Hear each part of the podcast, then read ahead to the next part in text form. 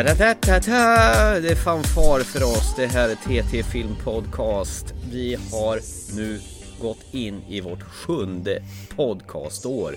Under alla dessa år har min podcastparhäst Thomas Törnros hängt med sen starten. Det är väl klart. Det här, här är ju Thomas. Kan ju bara vara Thomas i det här man säger. Så kan ju inte ha en Anders med som en parhäst. Det går liksom inte. Sex år alltså. Det är Ja, rätt visst. så imponerande. Trodde du det skulle bli sex år när vi startade? Nej, verkligen inte. Första mars 2013 drog vi igång våra trevande försök till att göra podcast.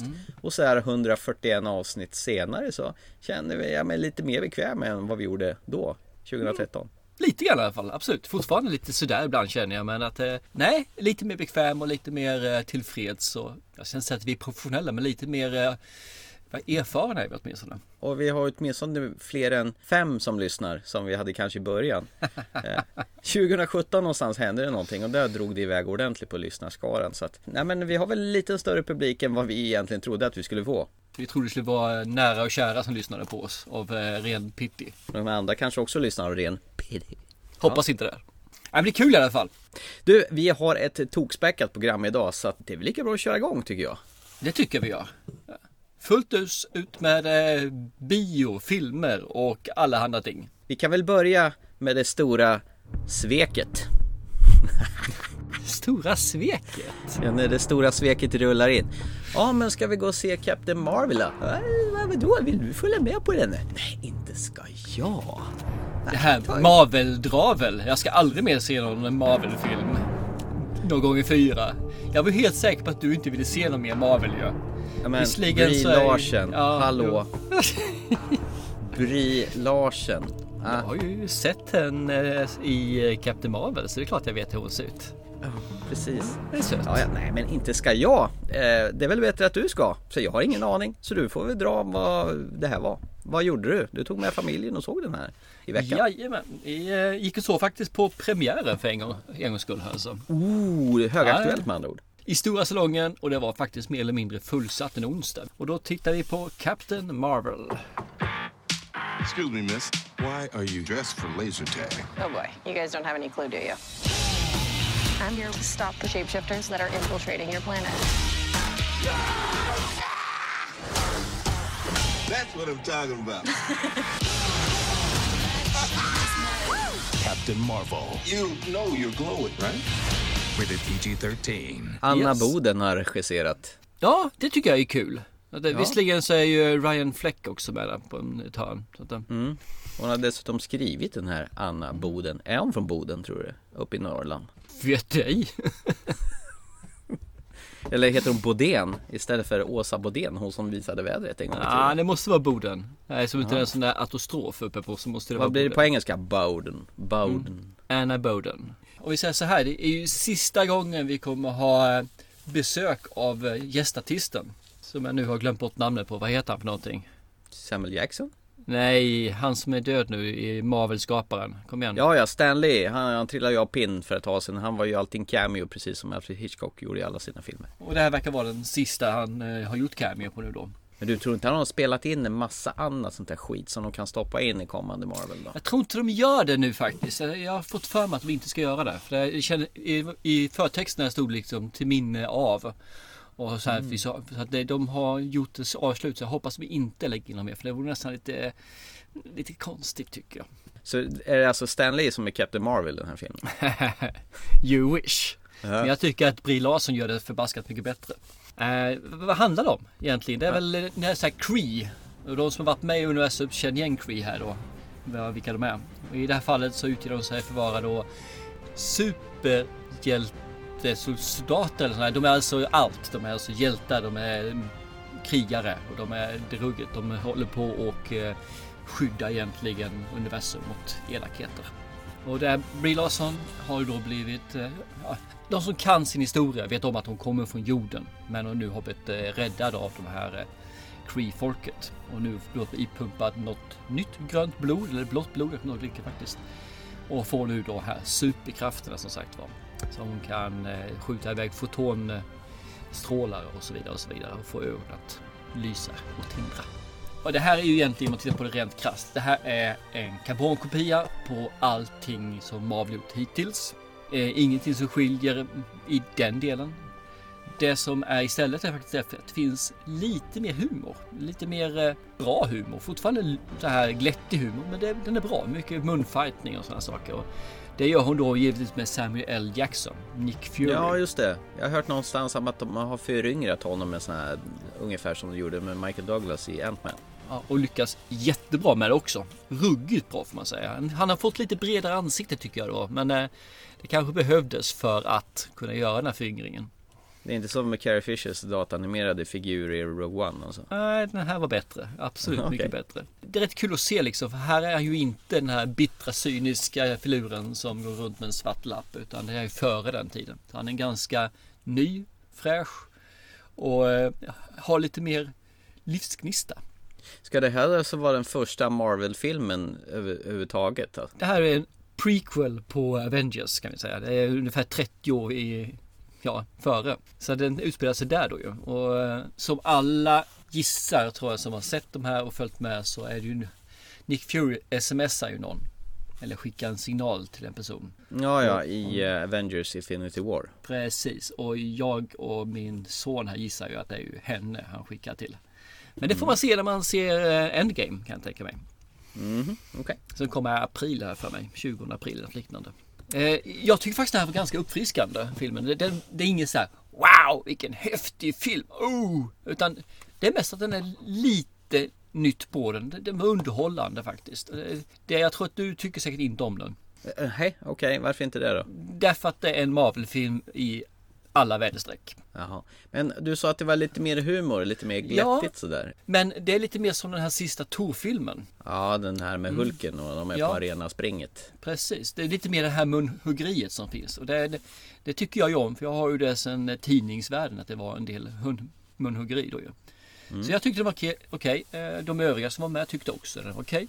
Och eh, jag kan bara säga så att jag mådde inte dåligt de här två timmarna som filmen är.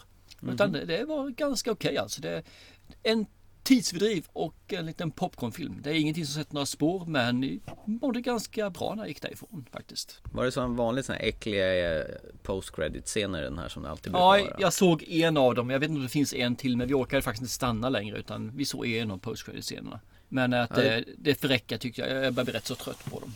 Ja, lägg, lägg av med det där, snälla. Ja, Kan jag, jag tycka. känner det. med. Jag känner också det. Men ja, vi får väl se. Det är ju deras, deras grej. Men eh, jag tycker, tycker man om Marvel-filmer så tycker man tycker om den här. Och eh, tycker man om eh, vad heter det, Brie Larson så kommer man absolut tycka om den här. Det, det jag vet att eh, DC har ju en karaktär som heter Shazam som kommer snart här nu också på under året. Där en liten kille får, får en sån här superdräkt va, så han blir vuxen och superhjälte. Ja, när han säger Shazam. Mm. Eh, den karaktären hette faktiskt Captain Marvel från början men eh, då hamnade de lite twist med Marvel eh, och fick byta namn till, en, till Shazam. Så den hette Captain Marvel och så blir det Shazam. Ja, det var väl ett schysst byte.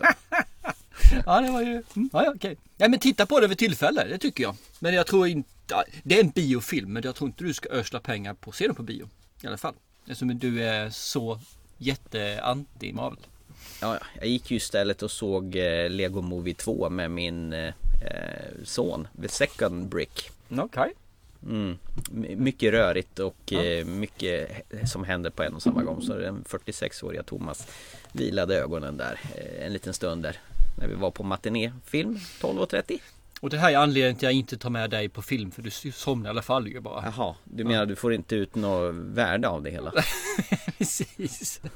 Ja, nej men jag kan visserligen förstå. eh, De här nya filmerna är väldigt hoppiga och det händer hela tiden saker och det får aldrig vara stiltje för där skulle ju folk tröttna. Den lilla otåliga Instagram, Facebook generationen som inte kan fokuseras på en sak samtidigt måste ha stimulans hela tiden för annars så, så liksom tappar man fokus.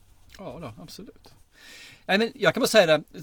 Jag njöt av den och jag kan rekommendera, för alla som tycker om Marvel-filmer så kan jag rekommendera den här. Absolut. Det, där saknar jag att det skulle nog, det är ju 11-årsgräns, jag skulle vilja ha den här lite mer, eh, lite mer vuxen. Det hade varit trevligt. Men det tycker lite, jag om mer, allt. lite mer rått kött som de kastar på varandra. Lite grann så faktiskt. Är du pepp inför sista Avengers eh, Endgame då? Jag har faktiskt blivit det nu på sista tiden. Alltså jag tycker den ska bli trevlig att eh, se. För jag vill se slutet. Jag tittade faktiskt på eh, Infinity War här för inte så länge sedan jag såg den. Igen ska jag erkänna, så det är andra gången jag såg den där. Igen? Har du sett Ja. om den? Han hade ju inte sett den och ville se den så det är klart att vi såg om den. Ja, ja, okej. Så att Så och vill den är faktiskt helt okej alltså. Jag tycker den funkar. Ja, Du vill se mer Thanos? Thanos. Ja, precis. Nej, jag är ju nog mer eh, Black Widow. Ja, hon lär väl få sig en egen film hon också kan jag tänka. Ja, de snackar om det att det ska bli en sån här tjejfilm med bara tjej eh. Ja, men den, den, den lär jag vilja se. Det tycker Ja, jag. Absolut. jag tror också det kan vara riktigt nice. Ja, men då så. Då lämnar vi biografen och ger oss ut i rymden igen då. Jajamän. Med Ryan Goslings Neil Armstrong som ska åka till månen. Fast alla visste ju att det var Tintin som var först på månen, så det är ju fel. I First Man. That's one small step for man, one giant leap for mankind. We've chosen a job so difficult, we're gonna have to start from scratch. Armstrong, we'd like you to command. Your dad's going to the moon. Let's go again. Do you think you're coming back? We've got this under control. You don't have anything under control. Ja, Damien Chazelle, han är ju en rätt så skön regissör tycker jag. Han gör ju, han jag gillar ju att göra musikfilmer. Dels så såg vi ju den här uh, Whiplash. Där uh, J.K. Simmons var den sadistiska musikläraren som uh, smiskar upp trumkillen då. Och sen gjorde han ju La La Land, musikal, modern musikalfilm. Och sen vänder han ju, tar han ju med sig Ryan Gosling från just La La Land och gör eh, en film om den första månlandningen med eh, människor på månen. Jag tycker det är rätt intressant för han är ju född 85 så han är ju inte gammal den här pojkaspoligen alltså. Och ändå har han fått göra så stora filmer faktiskt som han Ja. fått göra. Men eh, du som eh, gillar rymden, vad händer i First Man? Eller när jag la ut den här filmen, vi tävlade ju ut den här filmen för någon vecka sedan på våra Instagram och Facebook. Då råkade jag skriva Fistman, så det var ju någon som var tvungen att skriva en rolig kommentar. Fistman, det låter ju någonting som någonting barnförbjudet. Ja, helt klart. Då fick jag lite snabbt gå in och korrigera det där. Men inte Fistman, men First Man, vad handlar det om då? Det är väl vi får följa den första mannen förutom Tintin då som ska landa på månen. Och det är ju Neil Armstrong då som är the first man. Och det är ju egentligen eh, strax innan det här första projektet går igång och sen så går ju förelöparen igång till Apollo-programmet. Där de egentligen ska bara gå ut på att docka i rymden egentligen. Och när man klarat av det och visat att de kan göra det, då kan man gå vidare med Apollo-programmet som då ska gå vidare till månlandning i slutet då via Apollo, det 11 eller vad var det för någonting? 8? Först är det den här Gemini 8 då, som du säger, för att det här med öva med den här månlandar-mackapären då. Och, och docka, som du säger. Och sen blir Apollo 11. Och det man får följa är ju Neil Armstrong plus ja, hans vänner egentligen som är med i programmet samt eh, de här fruarna och familjen då som finns med också. Claire Foy är tillbaka här och spelar hans Precis. Och hon gör nästan till samma roll som hon gör i The Crown. Mm. Jag tyckte det kändes som att hon hade kopierat väldigt mycket av eh, den karaktären in här. Med lite skickar. Jag tycker inte att jag vill inte säga att hon var dålig för hon var jättebra. Jag tycker hon var en av de bättre i den här filmen överhuvudtaget. Egentligen eh, eh, är premissen inte mer än så, så det inte är. Man får, det, det, det är ingen dokumentär om Neil Armstrong. Det är ingen dokumentär egentligen om hans familj. Det är ingen dokumentär om rymdprogram utan det är en mix egentligen. Fram till den här månlandningen då. Mm. Jag tycker introsekvensen i den här filmen är ju i och för sig ingen spoiler när man får se han flyga den här, äh, den här rymdskepps-X15, äh, tror jag minsann den heter. Inte glassen som man käkade på 80-talet utan rymdskeppen då. Och när han åker så högt upp i, nästan till atmosfären med den här så att han tappar kontrollen över, över det hela.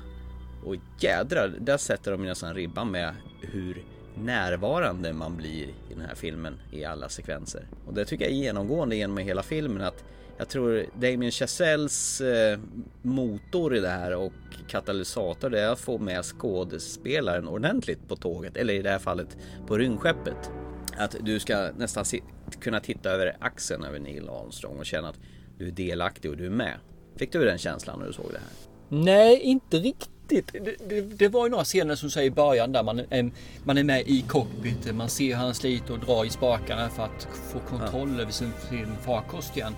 Som är, Det är bra men nej, jag får inte den känslan egentligen att man är så närvarande. Utan det, nej, jag, jag tycker det är en bra scen men inte så som jag tolkar dig att du tyckte. Ja, det är ju likadant senare när de ska försöka ja, från att gå på de här gemmarna i 8 till eh, Apollo 11 och all träning och så vidare när de är i ja, testar med uppskjutningar och, och det ena och det andra och det knakar och sprakar i de här rymdskeppen. Man känner att det här är kanske inte är så hundra genomgånget och testat. Men det låter nästan som rymdskeppen ska falla sönder i bitar.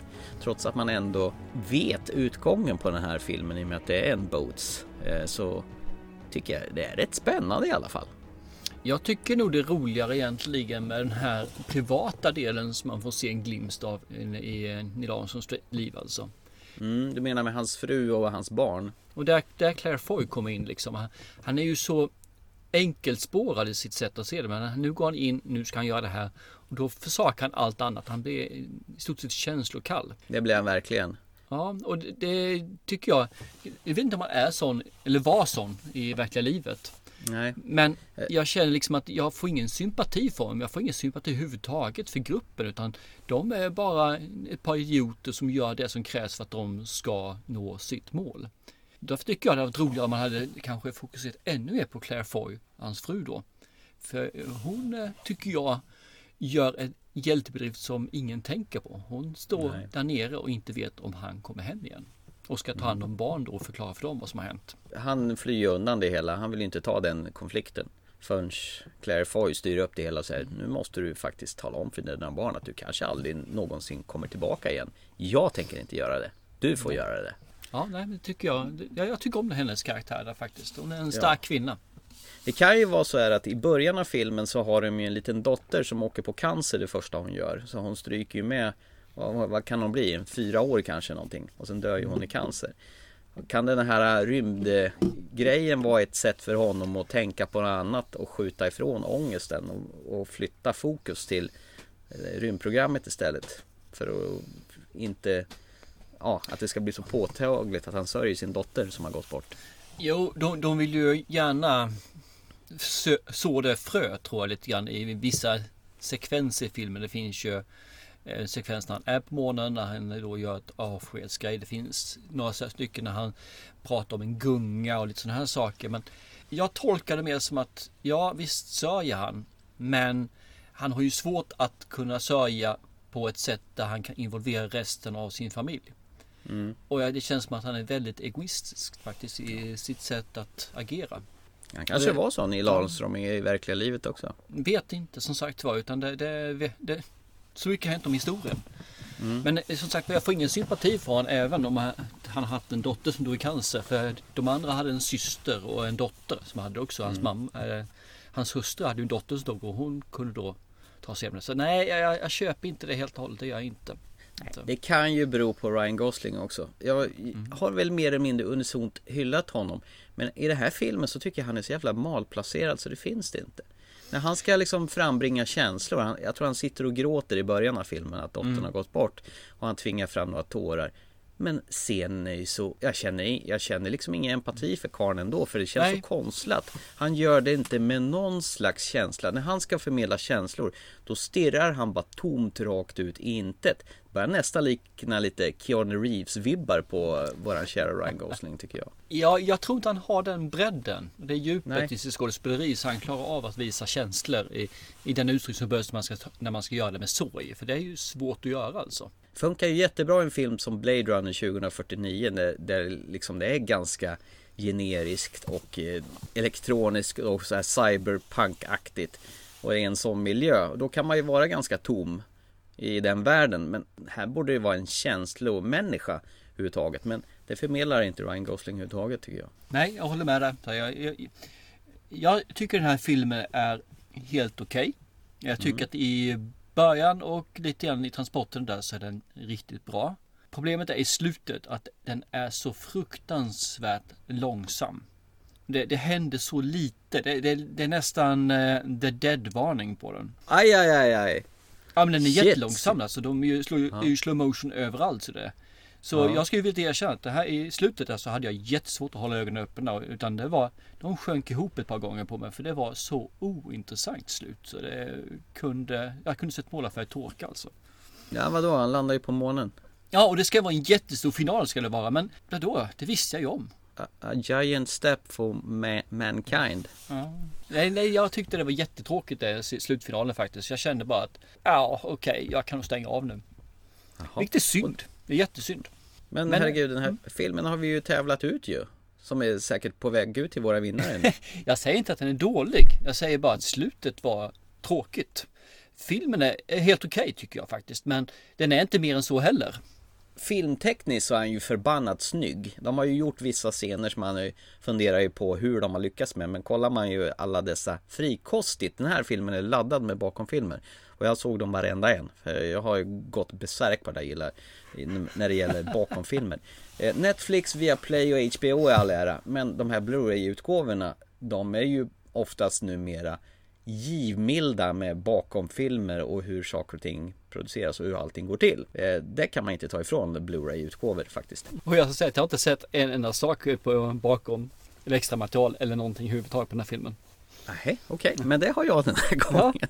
Och det är fruktansvärt intressant hur de har löst de här snygga filmtekniska grejer. Hur de arrangerar månlandningen, hur de är ute och testar den här månlandaren.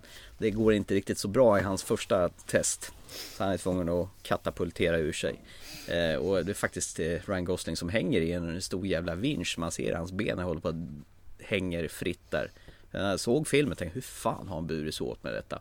Men eh, där får man faktiskt se hur illusionen tar sin form och det är riktigt jävla intressant faktiskt. Ja, nej men eh, ska vi komma till någon form av eh, betyg på det här då? Eh, vem, vem tror du tilltalas av det här då? Är det alla som gillar science fiction? Tror de blir besvikna eller är det de som gillar drama? Vem ska se det här? Jag tror att du behöver tycka om rymden och historia. Det är- Gymden! Gymden. Du tycker jag ritar fult? Jag tycker att som drama är den för tunn. För att den ska bli riktigt bra. Mm. Som historia, historia, det, där fungerar den ju. Måste jag säga liksom att det, det är ju, det, nej men det är det. Rymd och historia. Det måste du tycka om alltså. Var intresserad av egentligen vad hände bakom och innan man eh, landade på månen. Mm. Eh, Som film så finns det de som är bättre och mer sevärda än den här. Med det sagt inte att det är en dålig film. Det säger bara att det Nej. finns bättre film där ute. Ja. Jag tycker den är duglig. Jag med nöd och näppe rekommenderar den till folk att se. Som sagt filmtekniskt 2018 så står sig effekterna väldigt väl och snyggt och proffsigt genomfört. Men jag tror Damien Chazelle borde kapa navelsträngen till Ryan Gosling och skaffa en annan huvudskådespelare till nästa projekt. Ja, och kanske kapa ner de här eh, 2,20 till 1,50 i alla fall. Håller med! Filmerna behöver inte vara så här sketet superlånga så de nästan tangerar två och en halv timme sträcket. Det är för långt och till och med du som aldrig brukar somna på en film hade problem att hålla dig vaken på det här. Det är ju Ja. fantastiskt. Precis, jag gjorde en Hellberg. Nej men eh, bra. Då lämnar vi eh, Fist, eller förlåt, First Man då.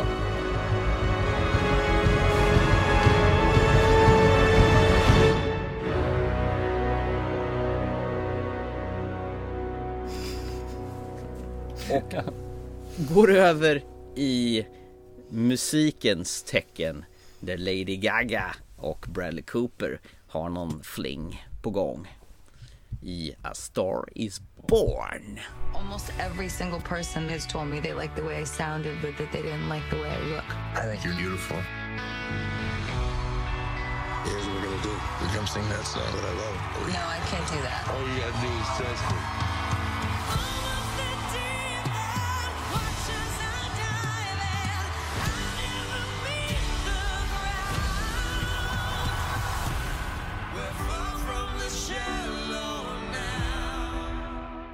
Den här filmen, den tror jag är gjord nu för tredje kanske. Tredje tror jag det.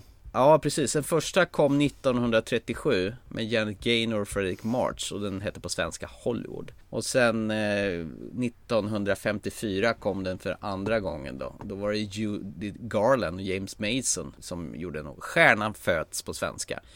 Och sen 76 så gjorde de om det till någon slags rockvariant med Barbra Streisand och Chris Christofferson. Alla filmerna har väl gemensamt att det är en alkoholiserad eh, musiker som tar en ung lovande skådespelerska eller slash sångerska som är på uppgång och, och eh, upptäcker att hon är ganska duktig på att sjunga. Och så, så är det väl egentligen i den nya versionen från 2018 då där Lady Gaga spelar den här tjejen runt hörnet som har ingen tro på sig själv eh, som spelar Ally då och Brad Cooper spelar den här nersupne Jack då som han är den här superstar powern då som har spritflaskor på, eh, bakom på scenen när han går ombord och drar helst en, en och annan kokainlina.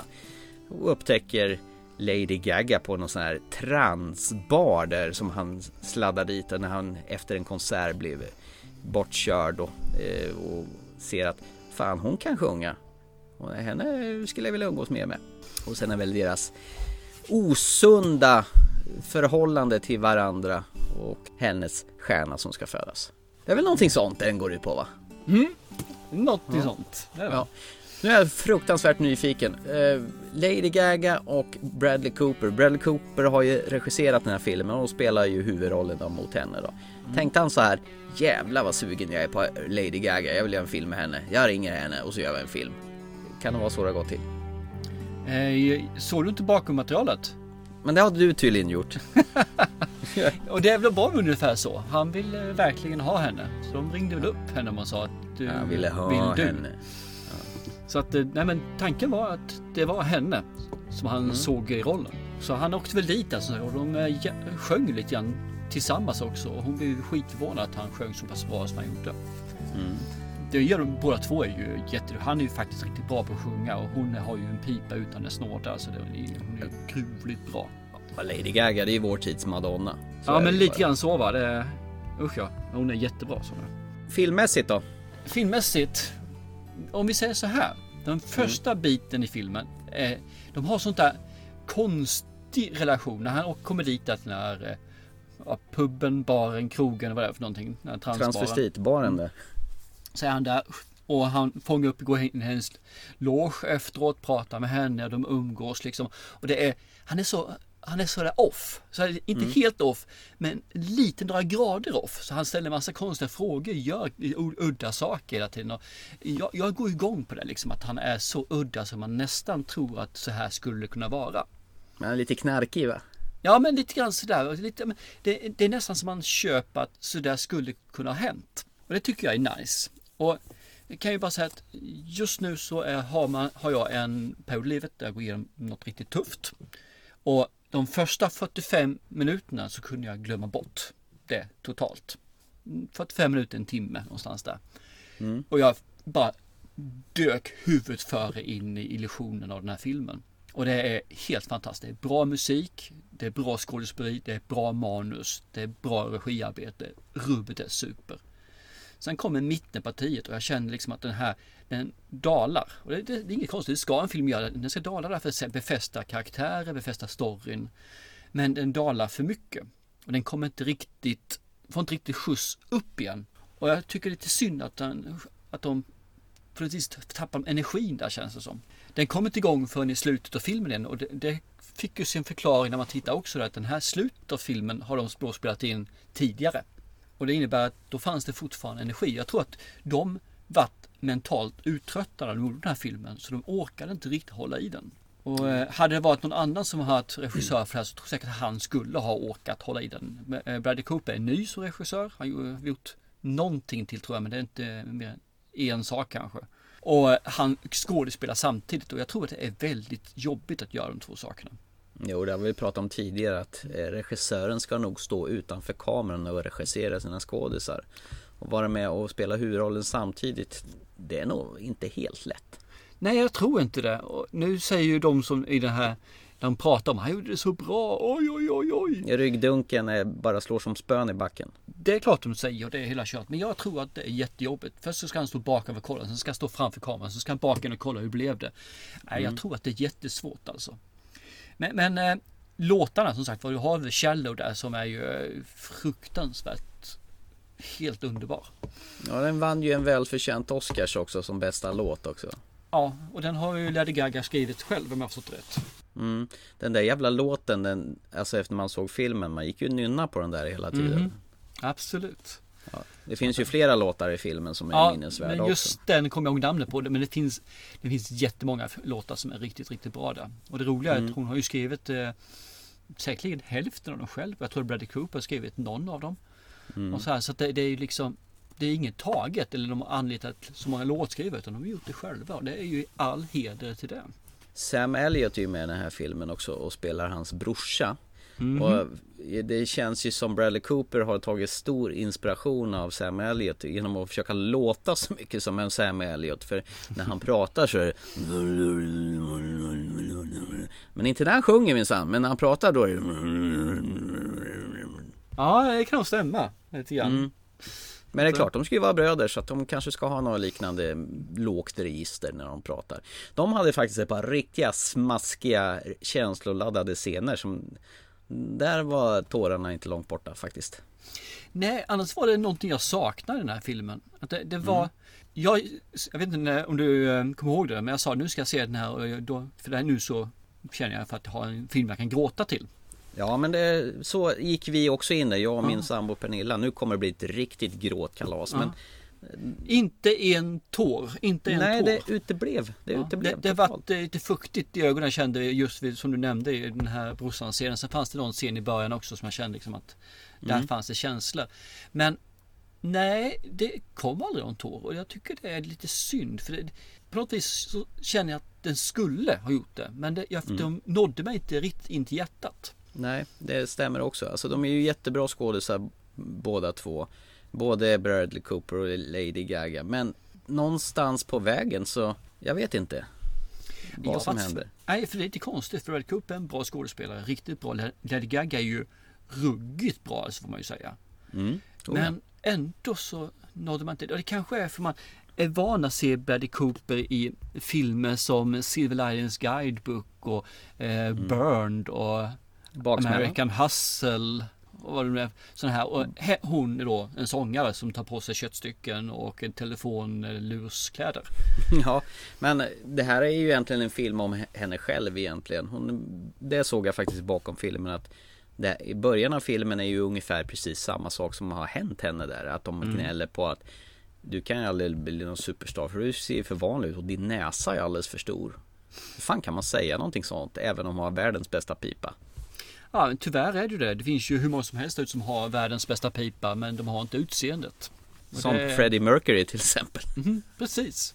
Och det är så kul när sådana här personer, för jag tycker ju för min del att Lady Gaga är ju oerhört vacker alltså. Mm, det är hon Så ju. att, jag tror att Hon det är kan- mycket för att hon är sig själv i mångt och mycket. Så att, Hon kan konsten och ser väldigt vanlig ut också. mm, absolut, ja det gör hon i den här filmen. Snygg vanlig kan man ju säga. Mm.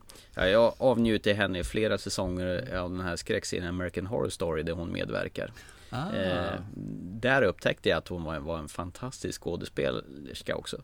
Så att, eh, jag hade ju inga tvivel på att hon skulle briljera det här också. I den här filmen. Mm. Men eh, inte ens när det ska vara jättesorgligt och dramatiskt på slutet så, så grät jag tyvärr. Och det, Nej, jag kände, kände mig lite, lite blåst faktiskt. Ja men visst gjorde man det va? Vilket är Mm. synd för det, det här är en jättebra film. Den, den är fångaren, som sagt som säger, liksom redan där i början så sjönk jag rakt in i filmen och kände att wow, det här är något speciellt. Men just den här sista, sista knorren finns det inte. Och jag förstår inte varför. Nej, jag, eh, det är nog låtarna som är huvudnumret i den här filmen. Faktiskt. Ja, det är, det är nog lite grann som eh, vår kära Freddie Mercury, Bohemian Rhapsody. Där är låtarna också egentligen huvudnumret. Exakt. Vi kan komma tillbaka till det om en liten stund Mm. faktiskt. Jag tror i alla fall att det- här är ju en sån där film som alla vill se. Åtminstone har jag fått en känsla av, dels när vi har tävlat ut, vi har ju tävlat ut den här också. Jädrar vad tävlingar vi har haft nu förresten. Ja, det har varit lite Eh, mycket nu. Ja, den här har vi tävlat ut i samarbete med 20th Century Fox Home Entertainment. Några glada vinnare vann den här. Eh, Och jag märker ju folk i min omgivning, de är jättesugna på sin här filmen. Så det här, det här är, kommer ju bli en monst, monstersuccé. Det tror jag med. Det enda jag tror att det är nog mer en tjejfilm än det är en killfilm. Mm. Eh, och nu säger jag inte det för att inte killar kan uppskatta den. För det tror jag. Mm. Jag tror att nästan alla som ser den här uppskattar den. Om man, I alla fall de som är 25, 27 plus någonstans där. Mm. Där tror jag de flesta kan uppskatta den här filmen. Från att de tycker att den är okej till att de tycker att den är riktigt bra. Eh, yngre människor är det svårt. Där tror jag det är mer tjejerna då tror jag som vill se Bradley Cooper. Men jag tror filmen hade mått bättre om de hade likadan som vi pratade om First Man så hade den mått bättre av att kortas ner lite grann. För den här kändes också för lång och det ältades väldigt mycket med hans alkoholism fram och tillbaka. Eh, det kändes som det gick på tomgång ett tag där också. Ja, stämmer. Jag håller med. In, in, innan man kommer i mål med filmen. Så att man kan, de kan väl gå till devisen Kill your darlings. Man behöver inte ha med varenda scen utan man måste egentligen tänka få ett bra flyt på filmen. Den behöver inte vara hur jävla lång som helst. Vi har förstått att de här eh, paret mår dåligt med varann och de kan inte vara med eller varken utan varann. Lagom är bäst, tycker jag. minska ner antalet scener och göra scenerna mer eh, djupgående. För jag tror att jag tror det är svårt att ta ner den här filmen så mycket i tid. Eftersom Mm. sångnumren tar så mycket plats. Ja, de ska de ju inte ta bort för de är ju Nej. härliga. Och där är ju för fast nästan en timme där bara ju. Och så att jag tror det är svårt att plocka ner filmen alldeles mycket. Men däremot tror jag man ska plocka ner vissa av scenerna. Och eh, göra om de här andra scenerna så att de blir man får mer av dem. Man, liksom man går djupare i dem. Jag tror att, eh, och sen så kan man göra de andra lite mer som en eh, snabb collage kanske på det sättet. Visa upp att det, det är inte en gång utan det är då 5, 10, 15 gånger som det här händer. Men gott då. Men vi kan väl enas så att eh, det här var ju, alltså, det är ju ingen dålig film överhuvudtaget utan den här borde tilltala de flesta. Det tror jag den gör faktiskt. Det är en riktigt bra film.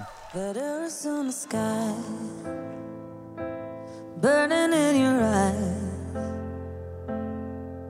You look at me, babe, I wanna catch on fire. It's buried in my soul, like California gold. You found the light in me that I couldn't find. So when I'm all choked up Hörru du, eh, ska vi gå in på något helt annat? Eh, tävling ska vi göra. Vi i samarbete med för första gången med Nobel Entertainment så ska vi tävla ut lite biobiljetter. Tänkte pusha lite grann för en tävling som kommer. Det är inte, vi är inte riktigt i mål än men det är filmen Helan och Halvan. Du vet, och de Stan and Ollie heter den ju på original. Du vet de här duoparet som en tjock och en eh, mager figur som gjorde komiska svartvita filmer för länge, länge sedan. Och det här är ju en sån här boat som handlar om Laurel and Hardy då. Alltså det är egentligen världens kändaste komediduo med en karriär på dekis. De försöker få fart på den igen då med John C. Reilly och Steven Coogan i titelrollerna. Och vi har ju fått lite biljetter som vi tänker tävla ut då. Alltså så man kan gå och se den här filmen på bio. Tre, tre vinnare kommer få två biljetter var för att kunna gå och se den här filmen på bio.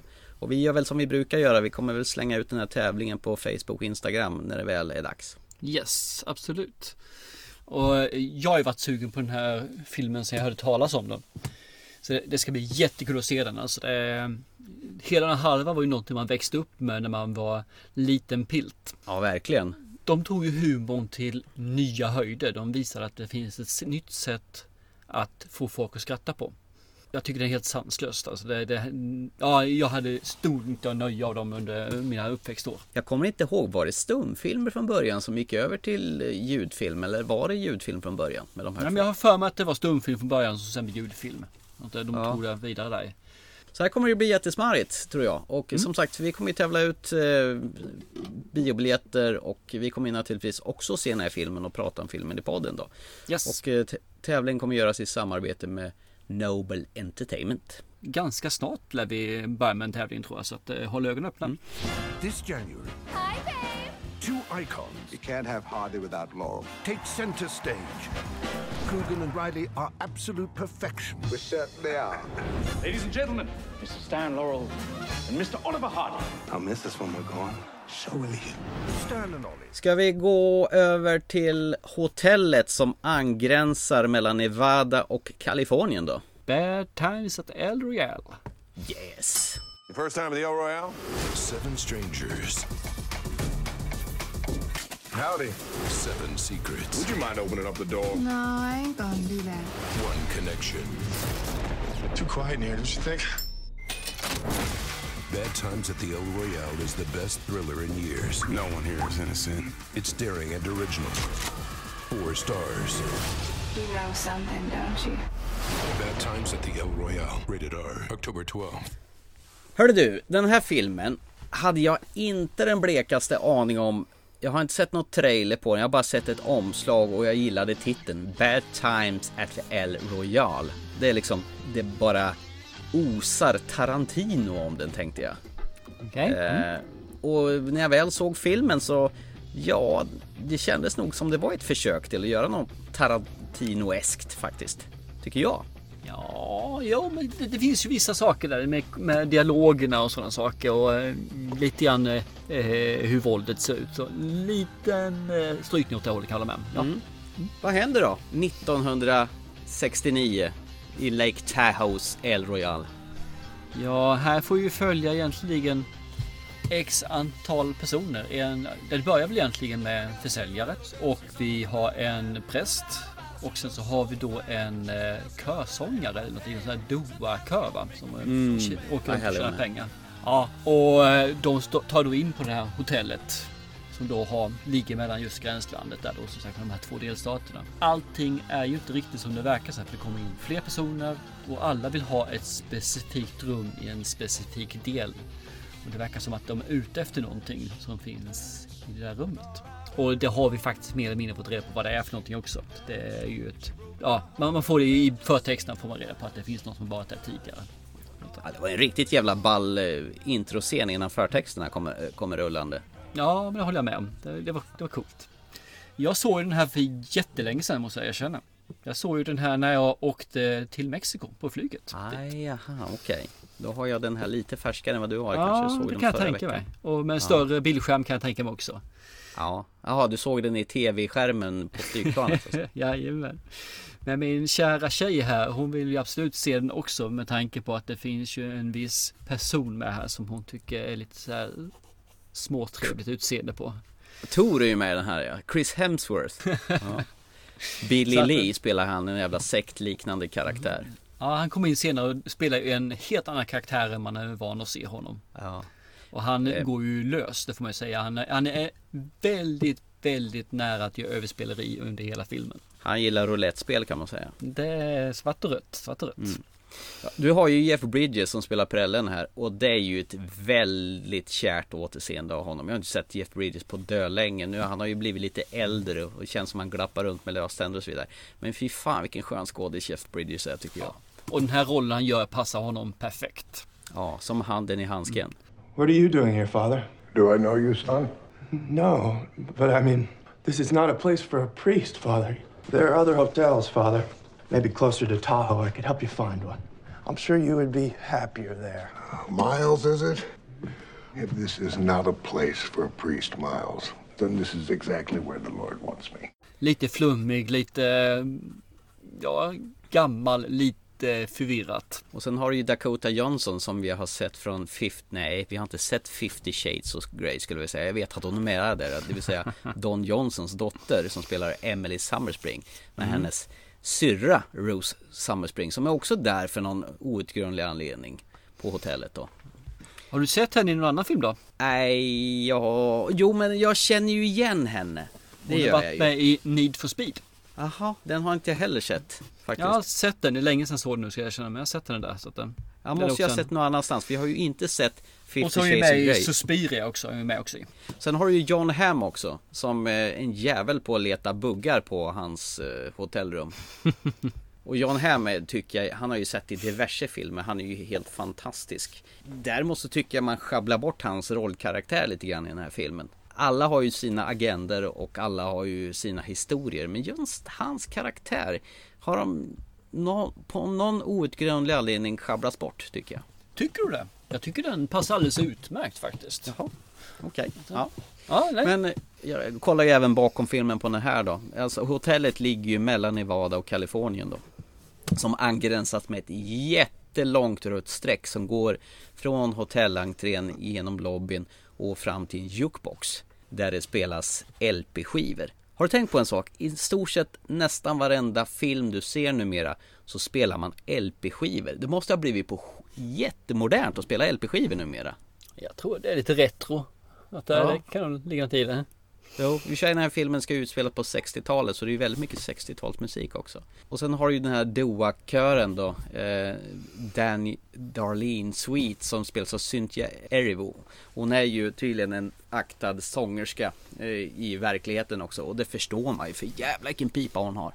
Ja, hon är skitbra. Det är hon alltså. Mm. Vi, eh, Även rollprestationen gör hon riktigt bra också. Så men hon är en så här timid kvinna med eh, udd kan man väl säga. Sen har du ju han som är portier på det här eh, hotellet då, det här nedgångna dekadenta hotellet som ingen verkar vilja komma till längre. Eh, Miles Miller, han eh, som spelas av Louis Pullman. Han är ju också en liten kryptisk filur. En sån där som har en liten roll men större än man tror om vi säger så. Mm, exakt, han genomgår ju någon slags metamorfos genom filmens lopp. Eh, och vad det är, det är ju till betraktaren att titta på. Men det här är ju egentligen ett sånt här mysteriekammarspel egentligen. Jag fick lite vibbar från The Hateful Eight av Tarantino, du vet westernfilmen där alla samlas på det här huset som är i snöstormen. Mm. Jag, jag hade exakt samma känsla som du också. Det var Hateful Eight som dök upp i mitt huvud där. Så det är klockrent. Men var det bra då? Jag tycker det här är, riktigt bra. Jag, Mm. jag, jag går igång på så här. Jag tycker om kammarspel. Jag tycker Mm. om skådespelarna som är där. Jag tycker om storyn och sen tycker jag om att det här att Chris Hemsworth gör någonting så när han går utanför sina normala roller. Eh, han har fruktansvärt kul så han har och han spelar verkligen ut. Han gör tycker jag faktiskt rätt så bra också. Han, han är farligt nära att spela över ibland men jag tycker han håller sig på rätt sida om gränsen. Jag tycker att slutet är också riktigt, riktigt lysande. Ja men det är det. Jag kan gissa att din, eh, din kvinna tyckte det var mums att se Chris Hemsworth i öppen skjorta som visade hans sixpack i varenda scen. Hon somnade. Gjorde hon? Så hon såg ungefär hälften av filmen tror jag. Ja. Det som gör den lite Tarantinoeskt det är ju det att filmen berättas ju inte helt i, i en rak kronologisk eh, historia utan det, det backas ju lite och det får ju se om scener från olika synvinklar från andras eh, synfält så att säga från de här olika karaktärerna. Och det gör ju det hela att det känns som någon har blivit inspirerad av Tarantino tycker jag. Nästan Jag grann. tänkte på Dunkirk när jag såg den. Ja, okej. Regissören heter Drew Goddard här. Eh, vad han har gjort tidigare. Han har ju faktiskt gjort The Martian, har i alla fall producerat den med eh, våran Matt Damon. Och sen har han faktiskt skrivit The Cabin in the Woods där också Chris Hemsworth är med och blir, dör det första han gör i filmen. Men där har han faktiskt också varit regissör i Cabin in the Woods. Ja, så är det. Precis. Så att, Så- eh, nu ska han göra X-Force här också ju. Så att, eh, Mhm. får vi se. Kul. Nej men jag tycker han gör det bra. Men den är jävligt snygg den här filmen. Jag gick, kollade ju förstås bakom filmen på det hela och de har ju De har ju nördat ner sig i detaljer hur det ska se ut som det gjorde på 60-talet. Det ska se autentiskt ut med inredning och mattor. Som sagt på ena sidan i Kalifornien så ska det vara ljust och lyxigt medan i Nevada så ska det vara lite murrigt och nedgånget och dekadent och lite mera eh, kitschigt sådär. De verkligen har gått ner på detaljnivå att det här och det här och det här har vi har vi tillverkat enbart för filmen. Men det är ju lite synd att när man kikar på filmen så tänker man inte så förbannat mycket på det. Nej, men det är lite grann som det här Mountain Between Us. Det är samma Mm. sak där. De är jättestolta över vissa scener och, och man känner bara, ja visst, det var väl intressant, men vem fasen bryr sig? Och det, det känns lite överlag att de, de som är i filmen, Mm. de tycker det här är jättekul. Medan vi som sitter utanför kanske inte riktigt förstår storheten i eh, deras problem och uppfinningsrikedom. Fast jag tycker ändå att det här är nog i alla fall Jeff Bridges film i, i stora hela. Han är ju den som är den största behållningen i den här, tycker jag. Eh, ja, ja, han gör en jättebra roll, det gör han alltså. Det Mm. tycker jag. Men jag tycker flertalet av skådespelarna gör bra roller. Så jag vill nog inte bara lyfta fram eh, Jeff Bridges där. Man gillar honom bäst. Okej. Ja. Nej men, eh, nej men det här var väl mumma faktiskt. Absolut, det tycker Mm. jag. Så att eh, alla som gillar filmer med lite övervåld och en mysteriehistoria som ska näst, nästlas ut där folk som utger sig för att vara någonting är någonting annat. De lär ju tycka det här är rätt ballt tror jag. Ja, tycker du om kammarspel och tycker du om eh, lite Tarantino-eskt med mycket dialog som, som det faktiskt är i filmen och eh, som du säger man, man blir lite eh, tagen på sängen för vissa turer den tar. Mm. Så då tycker jag absolut den här filmen kan tilla dem. Vill man däremot ha en, en enkel film med där Chris Hemsworth gör det han brukar göra, att se snygg ut och eh, bara glänsa. ah, då kanske det här är filmen för dig. Fast han ser väl rätt snygg ut i den här också. Ja, fast han glänser ju inte. Det får man ju inte säga. Att han är ju ett riktigt svin i den här filmen. Han är ett riktigt ärke-ärkesvin. Jajamän. Okej, då så. Och den här filmen har vi också tävlat ut. Så att när lagom det här eh, avsnittet släpps så har två, an, två vinnare vunnit den här också. Jädrar vad vi tävlar ut filmer just nu. Har, har du tänkt på det? Vi får ta och minska ner på det tror jag. Ja, det, det, det är ett stim. Det är ett tävlingsstim just nu. Ja, det är det. Ja.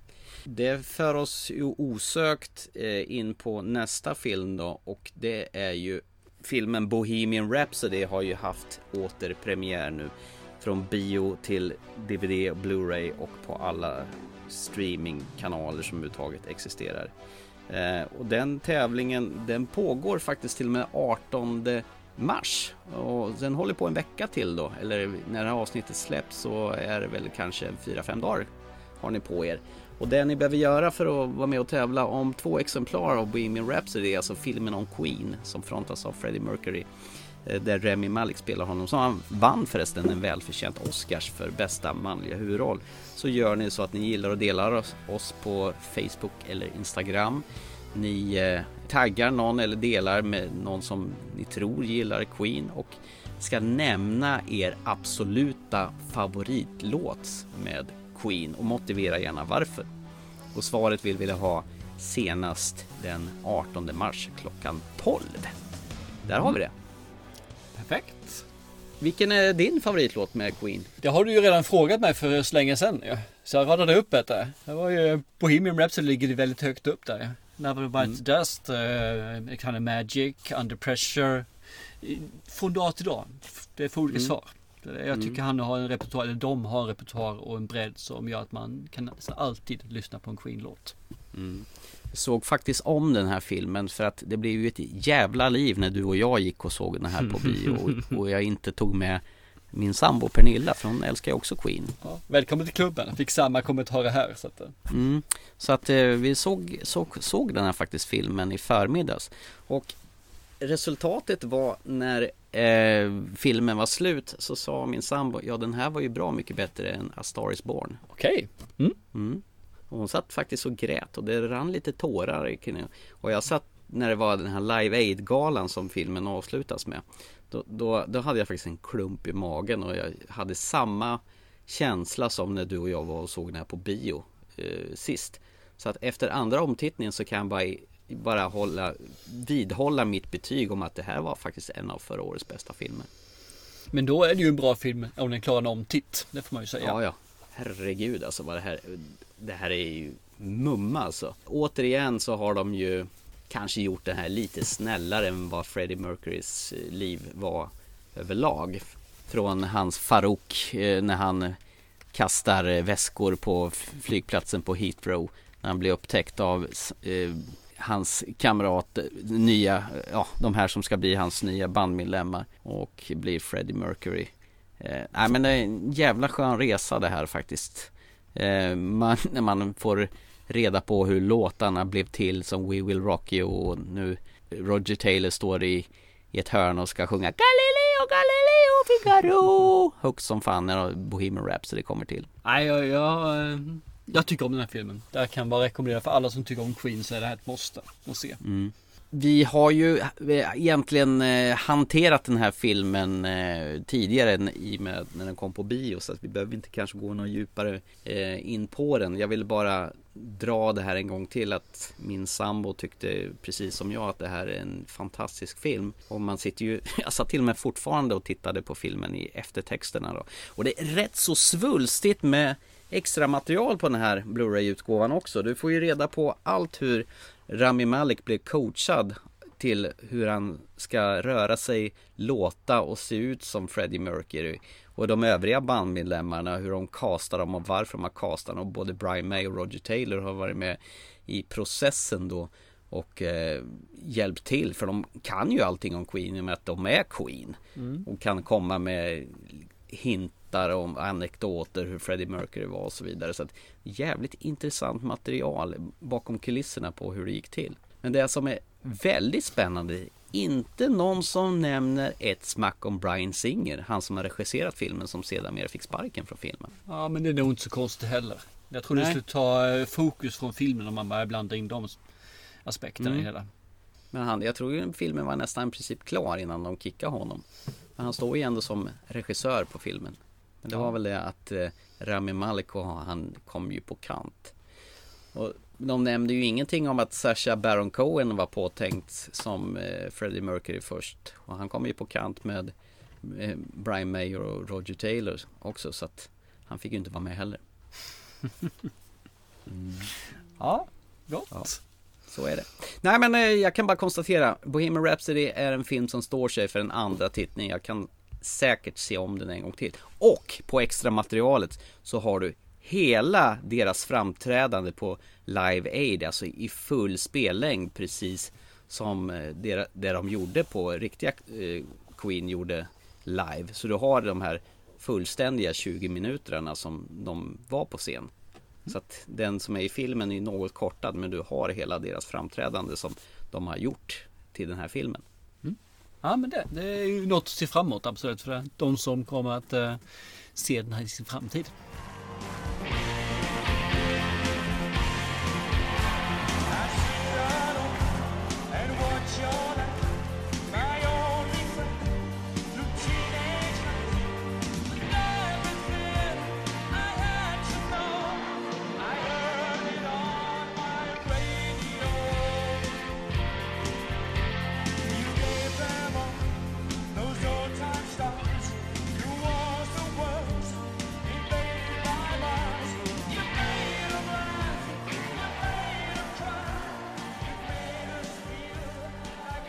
Gott! Ska vi gå till dagens sista punkt då? Uppdraget! Oh ja, det här som jag har längtat efter ett uppdrag från dig. Du har ju vägrat att ge mig ett. Bara, Du har, du har ju varit... Jag ska göra specialprogram, vi ska göra musikalavsnitt, vi ska göra dit, vi ska göra det, vi ska gå på bio. Men vi ska inte ha några uppdrag. Ungefär som att du tror att jag hatar uppdragen. Ja, ja så, så har jag sagt det som. Så nu har jag ju spelat alla att det blir aldrig något mer uppdrag för att Thomas hatar det. Until now. Until now. Yes. Och vad fick du av mig då? Ja, du kröp ju fram ett förslag till mig så att... eh, Mm. Ja men det var ju konstaterade i och med att vi började prata om den Buzz, Velvet Buzzsaw Där Jake Gyllenhaal och Rene Russo spelade Där jag Mm. insåg att Dan Gilroy hade gjort den här Och, och vi, när vi var iväg och såg sist på bio eh, När vi pratade om The Favourite Och vi insåg att du hade fortfarande inte sett The Nightcrawler Inte The, bara, bara Nightcrawler från 2014 Men just Jake Gyllenhaal och Rene Russo och Dan Gilroy hade regisserat I'm looking for a job. In fact, I've made up my mind to find a career that I can learn and grow into. Who am I? I'm a hard worker. I set high goals, and I've been told that I'm persistent. And I'm thinking, television news might just be something I love, as well as something I happen to be good at. Now, I know that today's work culture no longer caters to the job loyalty that could be promised to earlier generations. What I believe is that good things come to those who work their asses off. And that, good people, my motto is if you want to win the lottery, you have to make the money to buy a ticket. You have to make the money to buy a ticket. You have to make the money to buy a ticket. You have to make the money to buy a ticket. You have to make the money to buy a ticket! Och nu har jag sett den. Så jag är jävligt spänd på vad du tycker Ja. Jävligt spänd Vi kan väl ta lite grann från början först. Mm. Eh, vi har en härlig eh, karaktär, vi kan nog säga karaktär va?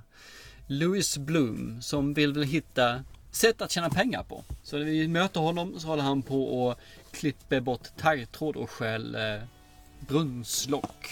För att kunna sälja eh, materialet på kilo om man säger så hos en, en eh, lokal handlare där. Och samtidigt så vill han då söka jobb. Och det är klart att han vill inte anställa honom för han är en förbaskad tjuv. Så att det är ju bara dumt. Så han letar efter andra sätt så han kan få ihop sin, sina kosing på ett bra sätt. Av en tillfällighet så kan han ut vid ett, eh, en olycka. Där det kommer någon som hoppar fram och börjar filma. Och tycker, hmm, får man pengar för det där? Ah, inte så mycket som jag vill ha tycker han liksom. Men har, ändå har ju massa kameror som ligger hög huller i hans skåp. Så han tänker, här finns det ju pengar att göra. Så han köper sig en kamera och eh, börjar då leta efter de här olyckorna som ska generera pengar. Och eh, det är väl egentligen det som är premissen med filmen. Han är, ska man säga så, han är väl en gam egentligen. Han lever En på andras olycka. Ja, han lever på andras olycka. Mm. Och eh, han gör det extremt bra för han har ju inga som helst spärrar eller ramar eller någonting. Han gör ju precis det som krävs för att det ska bli den extra udden, den extra touchen på eh, de här filmerna. Och man kan väl säga att är, han hade likväl kunnat vara en massmördare den här personen. För han är ju en psykopat. En tvättäkta sådan ja. En tvättäkta psykopat han är. Han gör precis det som behövs för att han ska få vinning på det. Och bryr sig inte så mycket om egentligen vem som står i vägen. Det visar ju sig med filmens gång också att det finns ju inga spärrar på honom. Och det här är ju en rätt... Det, det är en fascinerande film. Det är liksom en hemsk film. Det är en jobbig film bitvis också. Det är så här, så det kryper under huden på en. Det är några gånger som jag kom på mig själv liksom att jag kunde knappt ha bilder på tv för jag kände liksom att det kröp i mig. Så man satt och tippade lite grann med telefonen för att få en paus. Ja. Eh, Men filmen är ju det är ju en skitbra film. Det är inget att hymla med. Det här är liksom klockrent bra. Men det är jobbigt att se filmen för den är så nära verkligheten som man kan komma. För det, det finns sådana här förbannade personer som gör allting för att kunna tjäna pengar på andras olycka. Mm. De säljer sina filmer när de istället för att hjälpa till med olyckan så plockar de fram en kamera och filmar istället blodet, slafset. Är Den här personen som ligger och håller på att förblöder. Och jag blev bara så jävla arg så jag blev samtidigt när jag ser filmen alltså. Bill Paxton är ju en av hans konkurrenter som håller på att syssla med samma sak. Mm. Det måste ju vara en av bland av hans sista roller han gjorde för han, efter han trillade av. Eller innan han trillade av menar jag. Kände du igen skurken från Venom då? Som var hans eh, kollega som han körde runt med. Som skulle vara medhjälpare och fota. Riz Ahmed. Nej, det tänkte jag inte på. Nej, det var ju han som var, vad hette den här? Ja, The Bad Guy där va? Ja, the bad guy i eh, Venom. Ja, just det. Nu du säger det så känner jag igen det. Men nej, nej, det tänkte jag inte på när jag såg det. För jag hade nog mer eh, problem att ibland hålla maginnehållet kvar där. För jag tyckte det var lite vidrigt ibland. Han var lite dålig på löneförhandla den killen. ja, precis. Och sen har ju Rene Russo är med här också som eh, han har ett osunt för, eh, arbetsförhållande till. Som man, ja, nej, man ska inte spoila någonting. Nej, jag tänkte jag håller mig borta från det. För filmen har sina egenheter och man ska uppleva den tycker jag. Det tycker jag verkligen man ska göra. Den är värd sina två timmar den här filmen alltså. Men den är jobbig, den är tung och den är psykiskt påfrestande. Han är ju en helt underbar karaktär. Jag får ju säga liksom att han är ju en fruktansvärt bra skådespelare, Jake Gyllenhaal, när han gör den här Louis Bloom alltså. Han lyckas verkligen. Jag köper honom med hull och hår. Han har ju faktiskt blivit en av mina favoritskådisar, Jake Gyllenhaal på senare tid. Ah, okay. Kommer du ihåg det jag sa till dig att han ser lite hyenaktig ut i sitt utseende? Han är ganska utmärglad i ansiktet och har Mm. ett så ganska obehagligt flin hela tiden. Ja, no. Nej men alltså han har ju gjort eh, bland annat den här filmen Prisoners tillsammans med Hugh Jackman, vet med de här barnen som blir kidnappade. En ganska tung film Mm. också från 2013. Den är ju också jävligt bra. Och likadant, eh, han gjorde ju den här eh, filmen om den här jäckade mördaren som skickade in eh, Zodiac, är han ju med också i. Mm. Som skickar in massa sådana här tidningsurklipp. Och Den gör han eh, också riktigt bra. Alltså den är Ja visst. fruktansvärt bra. Ja, men han är ju grym alltså. Jake Gyllenhaal. Riktigt bra. Är inte han med i den här filmen också med Amy Adams också? Eh, Den här eh, Nocturnal Animals. Eh, vet jag faktiskt inte. Det, han skulle kunna vara det känner jag. Men jag kommer faktiskt inte ihåg om han är det eller inte. Ja, men jag tänk, jo det är han ju faktiskt. Han är ju den manliga, eh, vad heter det, som skickar det här bokmanuset till Amy Adams då. Ah. Eh, Som, som har skrivit en fiktiv historia om han och henne då. Där hon blir kidnappad och, och, eh, och hans dotter blir mördad i den här boken då. Så de här två historierna vevas runt. Mm. Jo, det är fan med han. Det stämmer nog. Mm. Ja, jag backar på den. Ja, jag är osäker. Ja, vi gillar honom i alla fall. Ja, men den är bra och filmen är otrevligt bra som sagt var. Men eh, du ska nog ha en viss state of mind när du ser på den. Jag får ju illa av just att det, jag vet att sånt här händer och då blir det för mig så verkligt och jag tycker inte om det alls. Men, Det kommer eh, för nära mm, verkligheten. Ja, det gör det. Alltså det blir lite för otäckt. Ska du se någonting mer lättflyktigt med, från samma regissör och samma skådespelare Då ska du ju se Netflix aktuella Velvet Buzz där han spelar Morph Vandelwalt En sån här riktigt märklig Lite halvbögig eh, konstkritiker Där har du en helt annan typ av Jake Gyllenhaal Jag ska se den sen vid tillfälle. Den ligger på att göra-listan men just nu så nej, vi, den får stå tillbaka lite grann. Så du menar att, så att det första uppdraget jag gav till dig fick godkänt då alltså? Ja, årets första uppdrag får mer än godkänt. Den, eh, jag tackar så mycket för den.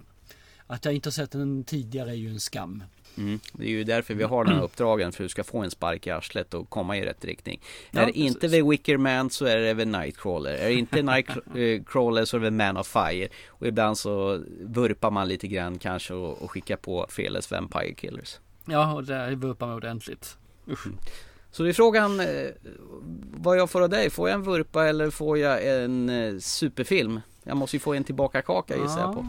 Du ska faktiskt få en, eh, en film som är ganska ny. Jag minns inte riktigt om det är faktiskt 18 eller 17 men jag tror den är från 18. Eh, Det är en film som innehåller våra älskade riddare i Game of Thrones, Jamie Lannister. Jaha, okej. Eh, Den är en eh, film som, hur annonserar man? Han är ekonom som hamnar i fängelse och kom in som en räddhare och, och ut som en fullfjädrad gangster därifrån. Och filmen heter Shot Caller. Shot Caller? Mm, finns på Netflix att titta på. Så att den, eh, Okej, nära till hands då. Mm, jag tänkte det faktiskt. Jag såg den här med tjejen för ett tag sedan. Vi tänkte, ja men vi kan väl se vad det är för någonting. Den tycker jag du ska se. Ja, trevligt. Eh, Ingen stor film, utan en ganska billig film. Men välgjord tycker jag. Då ska jag se Jamie Lannister i Shot Caller. Han har Mm. inte sex med sin syrra i den här då. Inte den här gången. Okej, apropå det, det är ju det är bara ett par veckor kvar till eh, sista säsongen Game of Thrones eh, anländer nu här. I bör, vad tror jag, 15 april tror jag det kommer tillbaka. Det är knappt, lite drygt en månad kvar bara. Och det är ännu kortare tid till vi får se American eh, Gods. Ja, är inte den igång nu? Nej, jag tror inte den startar förrän lite senare i mars. Jaha, okej. Shit. Shit, shit. Min granne blev så till sig när han, eh, jag la ut för en, tid sedan när jag var på, eh, vad heter det, Hindersmässan här i stan. Mm. Och lyckades köpa American Gods säsong 1 för 50 spänn på DVD. Och sa, har du den? Jag har läst boken. Det är en skitbra boken, kan jag få låna? Är klart du får låna den, så här. Men du får ta bort plasten först. Ja den är fin. American Gods är inte alls dumt. Så det ska bli ett sant nöje att se säsong två. Men då måste man ju nästan skaffa sig Amazon Prime för att kunna titta på den. Mm. Det, men det går, att, det går att få tag på den därigenom ganska enkelt. För det jag fick, fick tag på den förra gången när den kom. Mm. Så att Just det. det fungerade. Ja, gött. Nice. Så. Ja, jag känner mig rätt nöjd faktiskt med eh, Ja. programmet och vad vi har diskuterat. Många filmer blev det. Och det Mm. känner, fått ut det jag ville få ut. Ja men vad bra. Både superhjältar, rymdgubbar, eh, musikal, eh, supermusikstjärnor och lite dåliga gangsters på ett hotell. Och en liten återtitt på eh, Freddie Mercury och till sist en liten galen eh, fotofilmgubbe som filmar folk som kraschar i olyckor. Det var ett riktigt brett spektrum eh, i dagens brett. program. Mycket brett. Och en liten teaser om att vi ska tävla ut biobiljetter till, till Helan och Halvan också. Med det så säger vi som vi brukar göra. Eh, prenumerera gärna på oss på Acast eller iTunes eh, så hamnar vi högre på topplistorna. Rekommendera gärna oss till en vän som du vet gillar film. Det är ju aldrig fel. Det, vi blir, ingen, blir gladare än oss. Vill ni skicka någon mail till oss gör ni det på ttfilmpodcast.gmail.com eller kontakta oss via Facebook eller Instagram. Vi står ju som vanligt till förfogande när det gäller idéer på vad vi ska prata om för filmer, serier eller ja, och ni blir ju oftast premierade om vi tar upp ett av de ämnena och bjussar på en film då i så fall. Ja, eller två. Vilket humöret är på. Precis. Ja, eh, ja men då så. Eh, se en bra film då, för det tänker jag göra. Så hörs vi väl om ett par veckor igen då. Det gör vi absolut det. Chip Mm. chip. Hellberg har alltid sista ordet. Givetvis. Hej då! Hej, hej.